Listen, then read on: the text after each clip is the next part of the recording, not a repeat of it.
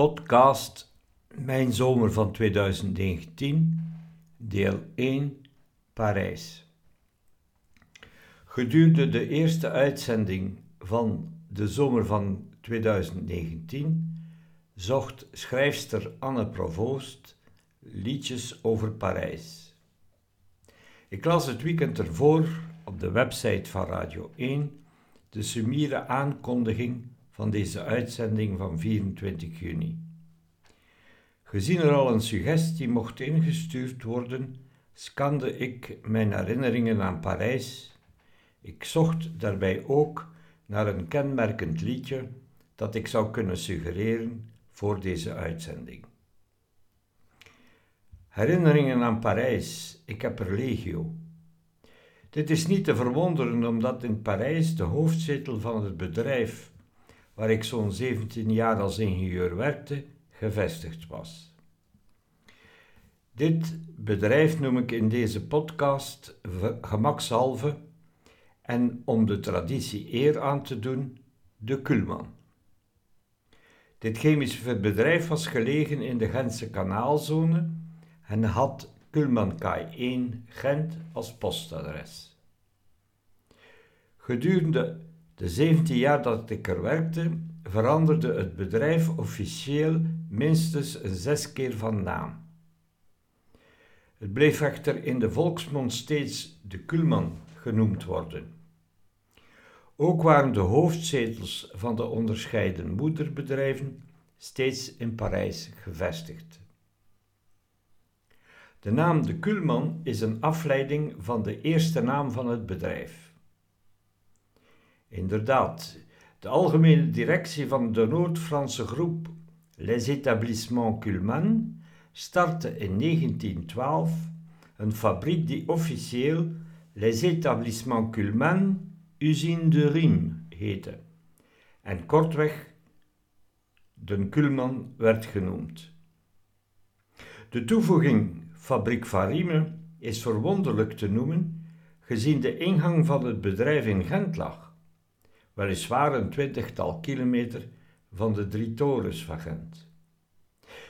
Dat kwam omdat Gent sinds mensenheugenis de boorden van het kanaal Genterneuzen tot aan de Nederlandse grens bij de stad had, heeft ingelijfd.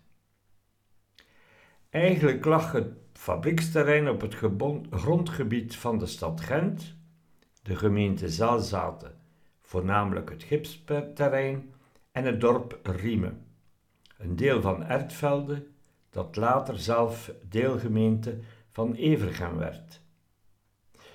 Het was dus het piepkleine dorp Riemen dat het bedrijf zijn naam gaf. Gedurende de ganse periode dat ik er werkte, antwoordde ik, toen men mij in Frankrijk vroeg welk, in welke fabriek ik werkte, l'usine de Riemen et à rien. Eloïse, Edward en Elvire, dit antwoord was een van mijn geintjes, omdat de Franse uitdrukking ça rime à rien zoveel als dit heeft geen zin of dit is idioot betekent. Het was mijn manier om met het Franse superioriteitsgevoel tegenover les petits Belges om te gaan. Mezelf relativeren is overigens een van mijn kenmerken en eigenlijk terug te voeren naar vader Richard, die mij leerde niet te hoog van de toren te blazen, omdat ik aan de Gentse Universiteit voor burgerlijk ingenieur studeerde. Waar ze in Gent ons gedurende de week voorhielden dat we toch wel speciaal waren, zorgde vaak in het weekend voor het nodige antidotum. Na mijn Kulman-periode noemde ik mij, voornamelijk in de States, een sea being. Het samentrekken van de Engelse term Silly Belgian Engineer. Inderdaad, ik ben een ingenieur van Belgische nationaliteit en een beetje silly, omdat ik als ingenieur al zo'n 25 jaar bezig ben met een zeer humaan proces dat ik creatieve wisselwerking noem. De etablissements Kuhlmann werden ooit gesticht door een Noord-Franse chemicus, prof en industrieel, Frédéric Kuhlmann, die reeds in, 19, in 1825 zijn groep startte met een zwavelzuurfabriek in Loos. Toen ik in mei 1971 bij de Kuhlmann begon, behoorde het bedrijf tot de Société des Usines Chimiques Eugène Kuhlmann, dit sedert de fusie in 1966 tussen de staalgroep Eugène en de chemiegroep Kuhlmann. Eugène Kuhlmann fuseerde op haar beurt in de herfst van 1971 met het aluminiumconcern Péchinet tot Péchinet Eugène Kuhlmann met als acroniem PUK. Dit megaconcern kwam direct in moeilijkheden en daardoor werden de chemieactiviteiten in het voorjaar van 1972 gebundeld in Produits Chimiques Ungie Kuhlmann met als acroniem PCUK. Dus ik beleefde drie naamsveranderingen in mijn eerste Kuhlmannjaar. Later, in 1983, werd die chemische groep op de rand van het failliet door de Franse staat genationaliseerd en ontbonden. De verfijnde chemie van Riemen, de polyolenafdeling, kwam bij Atochem en de basischemieafdelingen bij Ron Poulenc terecht. Waardoor het, de naam van het bedrijf, Ron Poulenc, Usine de Riemen werd. Uiteindelijk werd de Kuhlmann in twee fabrieken gesplitst. Atochem verkocht de polyoolafdeling aan Arcochemie Nederland. De basischemieafdelingen kregen bij deze definitieve splitsing de naam Ron Poulenc Chemie, wat een paar jaar later Ron Poulenc Chemie werd. En dit totdat ik het bedrijf in 1988 verliet. Maar steeds bleef het bedrijf in de streek de Kuhlmann noemen. En dit totdat het net geen 100 jaar geworden in 2009 ter ziele ging. Dus Parijs is mij niet vreemd, omdat ik er ontelbare keren vertoefde, zowel in mijn Kuhlmann-tijd als daarna als consultant. En elke keer om zakelijke redenen. Uiteindelijk suggereerde ik de zondagavond voor die eerste uitzending van de zomer van 2019 een lied van Zaz, omdat die mij terug met jazz in contact bracht in de stad waar Django Reinhardt de Parijse jazz op de kaart zette. Ik koos ook voor Zaz omdat ze met haar prachtige, tikje schorre stem ooit een unieke plaat maakte met bekende chansons over Parijs. Chansons die ze nieuwe leven inblies. En ik dacht dat het mooi zou zijn de zomer van 2019 af te trappen met Paris sera toujours Paris. Dan konden ze op de Radio 1 de overbekende begintune van het TV1-programma Vive le Vélo eens volledig draaien. Ik was ervan overtuigd dat Zaaz met dat lied, haar rokerige stem en aanstekelijke energie het eerste thema van de zomer van 2019, Parijs, uitmuntend in de verf zou zetten. Het begingesprek van de presentatrice Annelies Moons met haar gast van die dag, Anne Provoost, die zoals gezegd het onderwerp Parijs had aangebracht, ging over Annes boek in wording, Kinderen van de IJzer. Dit boek vertelt het verhaal van de grootscheepse actie die de Belgische overheid organiseerde voor de kinderen uit de frontstreek. De evacuatie naar buitenlandse kolonies. Anne Provoost vernam het verhaal van haar grootmoeder Anne van de Wallen, zelf een koloniekind, die gedurende de oorlogsjaren en zelfs iets langer, 1915 tot 1919, in een kolonie in hartje Parijs verbleef. De schrijfster reconstrueert in het boek dat volgend jaar gepubliceerd wordt deze periode op basis van mondelinge getuigenissen en opzoekingen die zij deed, onder andere in Parijse kloosters. Anne Provoost stoffeert haar verhaal dat ze reeds meerdere keren tijdens lezingen heeft verteld met tientallen foto's. Ze achterhaalde ook hoe deze kinderen, weggerukt uit hun ouderlijke nest, de oorlogsjaren overleefden. Ze maakte in feite een reconstructie van een gebeuren dat veel families in de Westhoek heeft geraakt. Wat mij in dit gesprek opviel was het volgende dat Anne zei. Heel wat mensen vertrouwden me doodgezwegen verhalen toe. Doordat ik zelf vertel wat ik weet, komen ook bij hen verhalen boven. Eloïse, Edward en Elvire, deze getuigenis van Anne deed me direct denken aan de eerste karakteristiek van creatieve wisselwerking, namelijk authentieke interactie. En haar twee basiscondities, openheid en vertrouwen. De uitspraak van Anne geeft aan dat door die twee basiscondities echt te beleven, men een betere authentieke interactie krijgt, waardoor men dan weer een groter vertrouwen en een grotere openheid bekomt. Tot mijn grote verbazing was ik de eerste luisteraar die in de eerste uitzending van de zomer van 2019 aan bod kwam.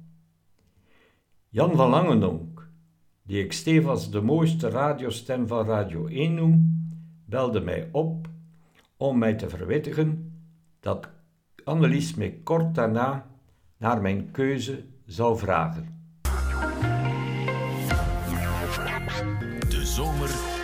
2019. Ik schrik zelf altijd dat het al de zomer van 2019 is. Ik dacht dat er nog een 8 ging komen, maar dat is nog niet. We zijn ermee begonnen. Onze eerste gasten is schrijfster Anne Provoost, bezig met een boek dat voor een groot stuk zich in Parijs afspeelt. En dus is het thema ook Parijs.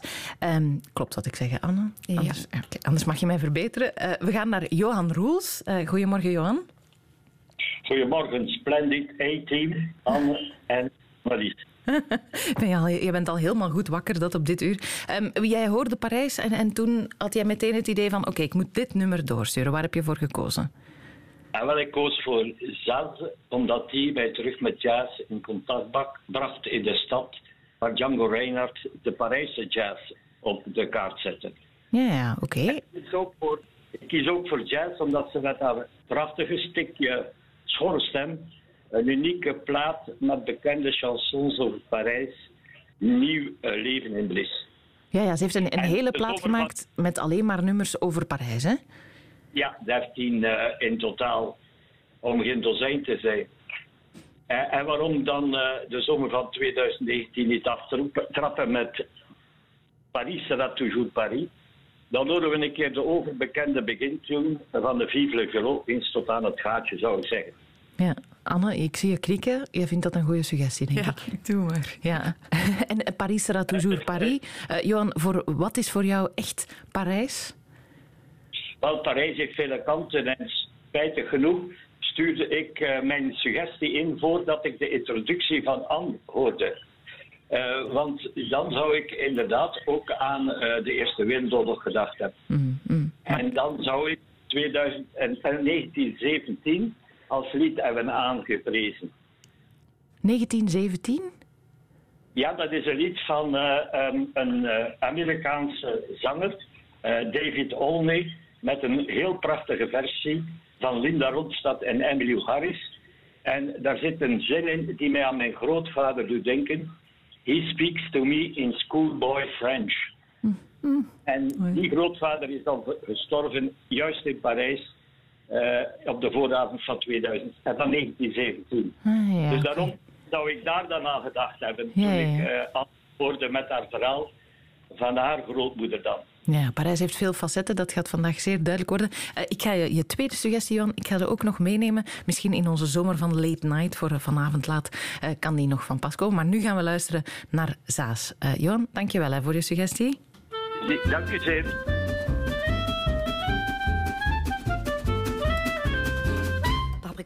On a beau mettre des croisillons à nos fenêtres, passer au bleu nos devantures et jusqu'aux pneus de nos voitures, désentoiler tous nos musées, chambouler les Champs-Élysées, emmailloter de terre battue toutes les beautés de nos statues, voler le soir, les réverbères, plonger dans le noir la ville lumière. Paris sera toujours Paris, la plus belle ville du monde, malgré l'obscurité profonde, son éclat ne peut être assombri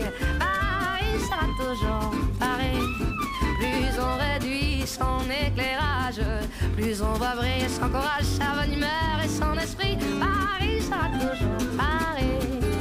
Pour qu'à ce bruit, chacun s'entraîne. On peut la nuit jouer de la sirène et nous contraindre à faire le zouave en pyjama dans notre cave. On aura beau par des ukases, nous couper le veau et même le jazz, nous imposer le masque à gaz, des mots croisés à quatre cases, nous obliger dans nos demeures à nous coucher tous à 11 heures. Paris sera toujours Paris, la plus belle ville du monde. Malgré l'obscurité profonde, son éclat ne peut être assombri. Paris sera toujours Paris.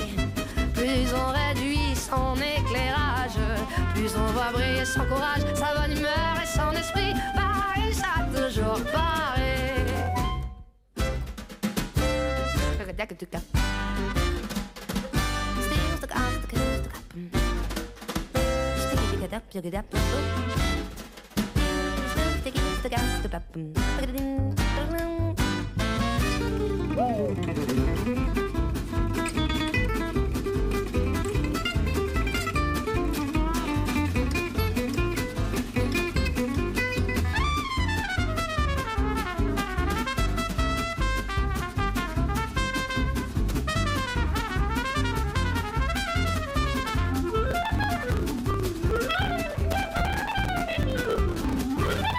que ma foi d'octobre. Les robes soient beaucoup plus sobres. Qu'il y ait moins de fleurs et moins d'aigrettes. Que les couleurs soient discrètes. Bien qu'au gala, on élimine les chargeurs et les hermines. Que les bijoux pleins de décence brillent surtout par leur absence. Que la beauté soit moins voyante, moins effrontée, moins flottante.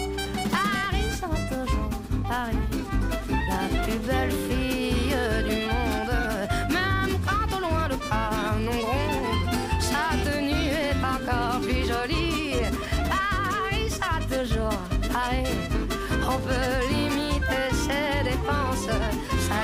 élégance, non, non, alors que plus le prix, Paris sera toujours Paris. Het is echt een hele grote aanrader. Die hele plaat van Zaas over Parijs. Met ook dit nummer erop. Paris sera toujours Paris. Het was een suggestie van Johan Roos. Als jij ook nummers hebt over Parijs die perfect bij onze uitzending passen. Als ze over Parijs gaan, is dat gewoon sowieso het geval. Dan mag je dat allemaal laten weten via de app of mailen of Twitter. Hashtag de zomer van.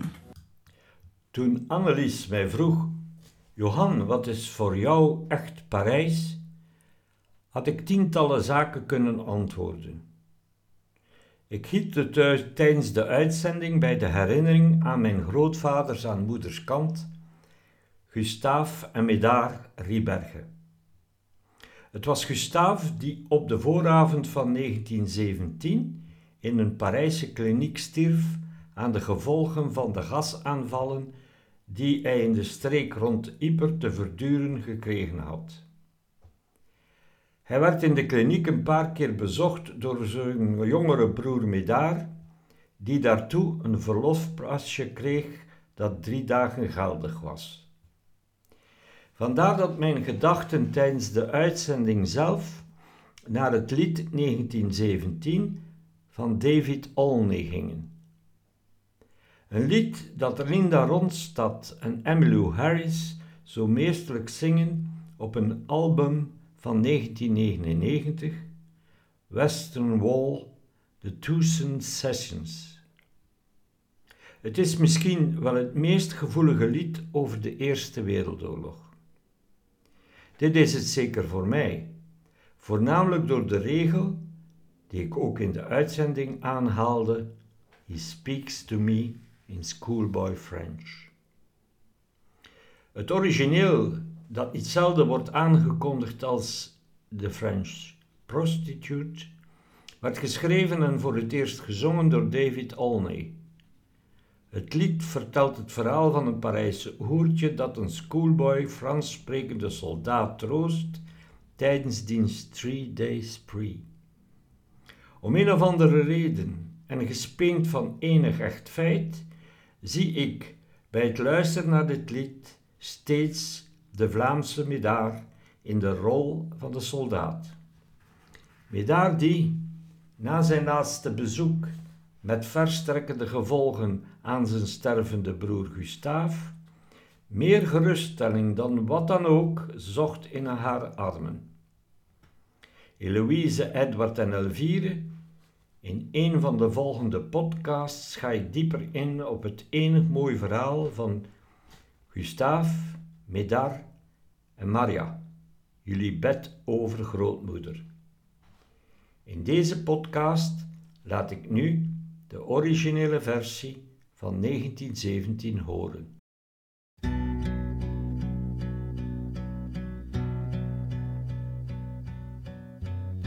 The French Prostitute,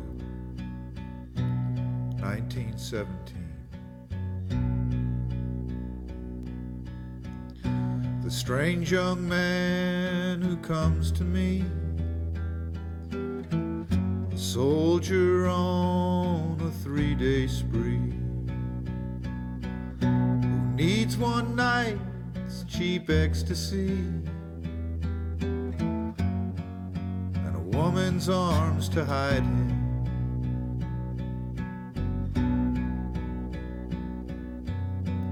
He greets me with a courtly bow. He hides his pain by acting proud. And he drinks too much. And he laughs too loud. But how can I deny him? Let us dance beneath the moon. I'll sing to you, Claire de Lune.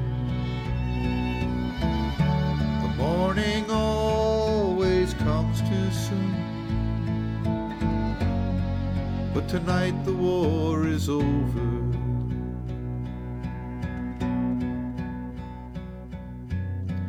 He speaks to me in schoolboy French of a soldier's life inside a trench At the look of death and the ghastly stench. I do my best to please him.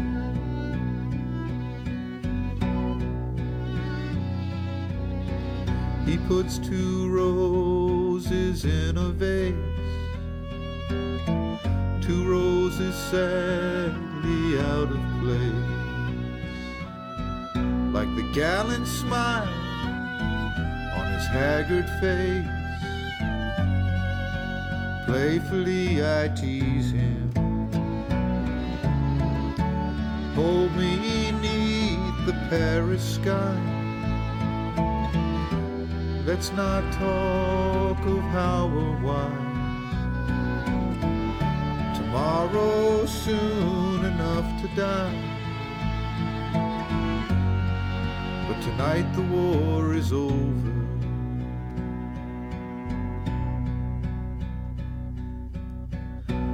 We make love too hard, too fast.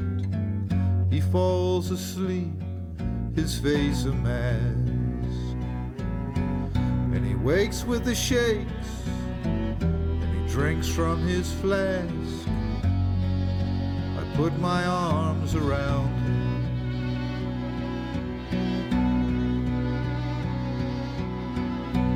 Die in the trenches, and they die in the air. And Belgium and France, the dead are everywhere. And they die so fast, there's no time to prepare a decent grave to surround them. Oh, world glory, oh, world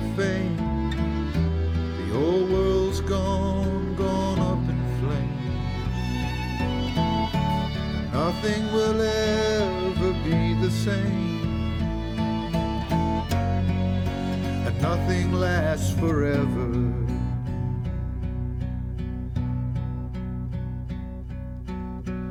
Oh, I'd pray for him, but I've forgotten how. And there's nothing, nothing that can save him now. But there's always another with the same funny bow. And who am I to deny them? La la la la la la la. La la la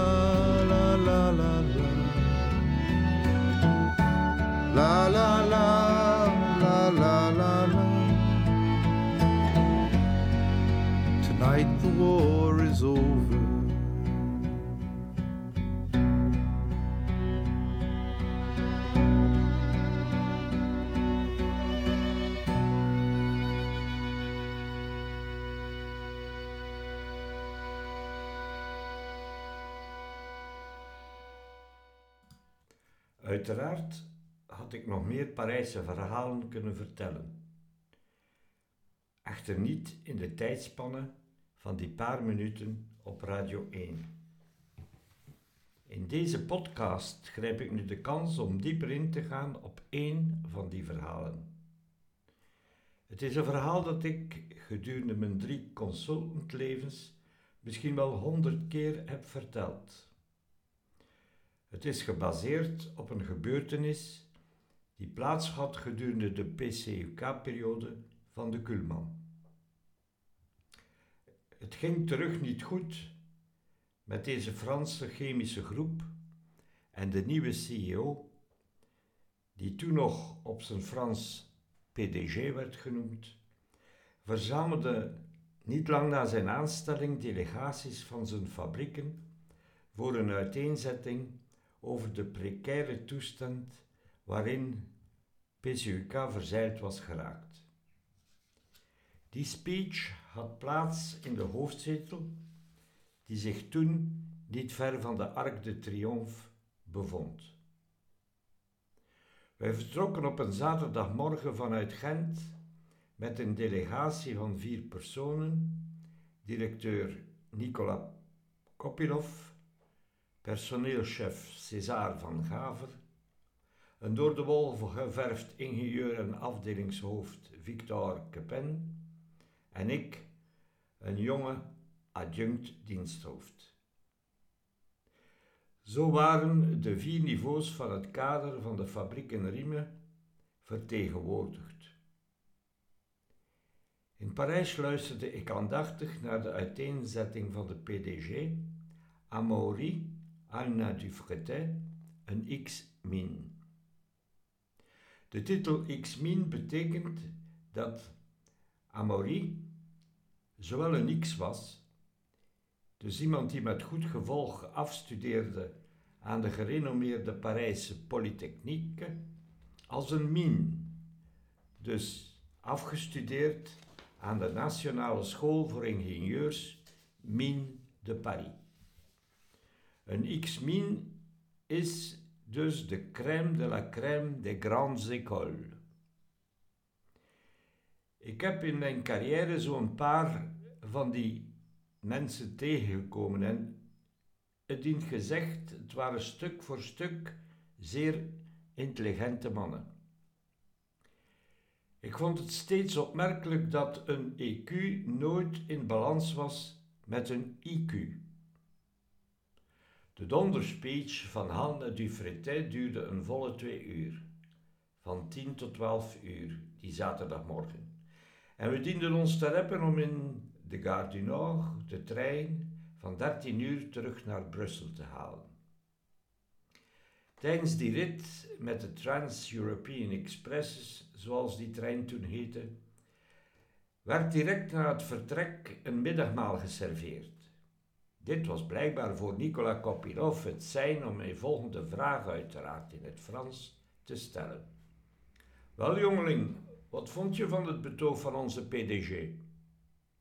In mijn beste Frans antwoordde ik dat de eloquente heer mij overtuigd had dat het vijf voor twaalf was en dat ik zijn voorgestelde acties steek vond houden.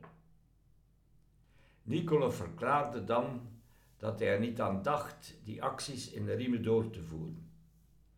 Ik opperde dat dit volgens de PDG wel de bedoeling was. Nicola repliqueerde dat deze actie misschien wel goed waren voor de Franse vestigingen van de groep, maar dat het enige Belgische bedrijf een eigen koers, de Nicola-koers uiteraard, zou varen. Ik onderstreepte daarop dat de PDG wel een rapportering over de voortgang van de acties had geëist. Nicola verzekerde mij dat hij wel bekwaam was om in het Frans datgene te rapporteren wat de PDG graag zou lezen, en voegde er fijntjes aan toe dat papier verduldig is. Hij zou in geen geval de opdrachten van zijn grote baas Amaury Alna du volgen.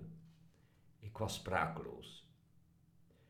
Eloïse, Edward en Elvire, veel later begreep ik dat Nicola Kopilov mij toen voor het eerst toonde hoe in een organisatie het beruchte zwart gat wordt gecreëerd. De boodschap van de topmanager en sponsor van de verandering, Amaury Alne Dufretet, werd opgesloopt door het zwart gat doordat de middenmanager en de normaal de co-sponsor van de verandering, Nikola Kopilov, een totaal andere boodschap gaf. Daardoor werd de boodschap van Alna Dufretin naar mij toe, de acteur Johan Roels, die normaal heel wat van die acties diende uit te voeren, volledig afgeblokt. Die acteur bleef verweest achter en verloor zijn geloof, zowel in de PDG van de groep als in zijn directeur. Het duurde nog een volle 15 jaar voordat, tijdens een MOC Management of Change opleiding in Atlanta, gegeven door de afgestopte guru Daryl Conner, mij het proces van de creatie van zwarte gaten in organisaties kristalhelder werd. Van dan af gebruikte ik dit metaforisch beeld in organisaties waar ik advies gaf. Letterlijk alle organisaties waar ik voor gewerkt heb, als werknemer en consultant, en dat zijn er tientallen, waren in dat petje ziek. Ik zocht en vond, met de hulp van Charlie Palmgren, een methodiek om een zwart gat te vullen. Daarover misschien later meer in een latere podcast. Op het einde van deze podcast richt ik mij nogmaals tot jullie, Eloïse, Edward en Elvire. Wees beducht voor de zwarte gaten in de organisaties waarin jullie ooit zouden terechtkomen. Indien jullie meer willen weten over het fenomeen zwarte gaten en hun remedies, lees dan eens het hoofdstuk 3 van mijn boek Creatieve Wisselwerking, De verandering is een proces. En deel 20 van de voor jullie bedoelde columnserie Blijf wakker, met name wat te doen met het nieuwe inzicht en de gedeelde mening. En let wel, het zijn niet enkel de hogere managers die voor zwarte gaten kunnen zorgen. Ook ik heb er mij aan bezondigd. Daarover later meer in een van de volgende podcasts.